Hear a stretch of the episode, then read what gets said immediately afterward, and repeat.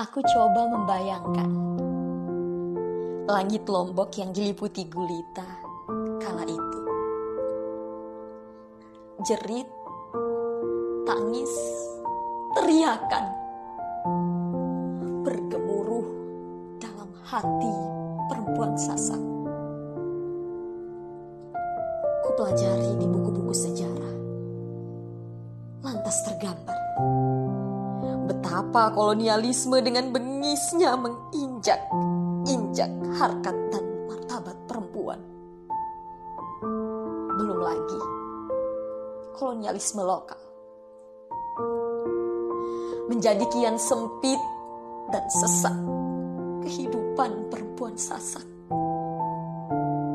Lantas, di suatu hari yang diberkahi Tuhan yang Maha Kuasa, setelah jalan panjang, kerikil tajam, dan badai ancaman dilalui. 21 April 1943 Secercah cahaya mentari terbit di ufuk timur. Memberi harapan pada jiwa-jiwa yang gersang. Ya, sekolah untuk perempuan sasak itu telah berdiri dinamai. Nahdlatul Banat Diniyah Islamiyah Semakin jelas di pelupuk mataku. Wajah perempuan sasak yang berseri-seri kala itu. Datang untuk belajar ilmu agama. Hamzan Wadi menyebutnya sebagai pondasi untuk memberantas kebodohan, keterbelakangan, dan memerangi kezoliman, serta untuk menegakkan kebenaran dan mewujudkan kesejahteraan. Duhai Hamzan Wadi, lihatlah, Madrasah NBDI telah menjadi mata air bagi kehidupan perempuan-perempuan sasak Indonesia. Lihatlah, senyum lebar para perempuan sasak yang kini perlahan mereka sendiri. Pun, betapa bersyukurnya aku atas karunia Tuhan yang dahsyat ini. Saat kaum perempuan kini dapat berlomba dalam kebaikan tanpa harus takut dan terintimidasi saat kaum perempuan juga dapat menjadi sumber mata air bagi kehidupan tanpa terhalang ancaman gertakan. Oh ya, ya, ada satu lagi yang ingin kuceritakan. Dan kalau bisa, pun aku ingin bercengkrama dengan sosok dalam ceritaku ini.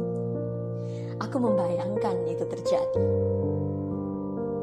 Ibu Ibu tahukah kau surat-suratmu menusuk hingga ke dalam jiwa? Aku memang tak hidup bersamamu di Jepara kala itu. Namun sesak jiwaku rasa. Membayangkan nasib kebanyakan perempuan Jawa yang diliputi kesuraman. Empat tahun dalam pingitan, tak ada yang mudah soal itu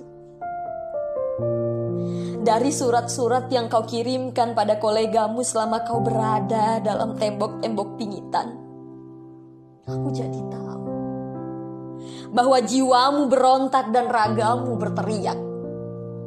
Diam adalah kematian buat jiwamu.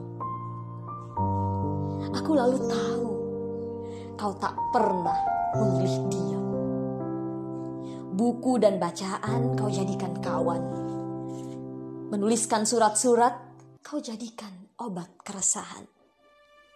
Cita-citamu berkobar dan tak ingin padam. Bagimu, perempuan patut dan harus mendapat keadilan atas potensi, pencapaian, dan kemampuan yang dimilikinya. Dan yang terpenting, atas kemanusiaannya sebagai seorang perempuan. Ibu, Kau ajarkan kami untuk tidak menjadi perempuan yang hanya mengangguk dan menunduk. Saat harkat, martabat, dan hak-hak kami dirampas. Kau contohkan kami sosok perempuan yang cerdas, kritis, dan tidak hanya mementingkan diri sendiri.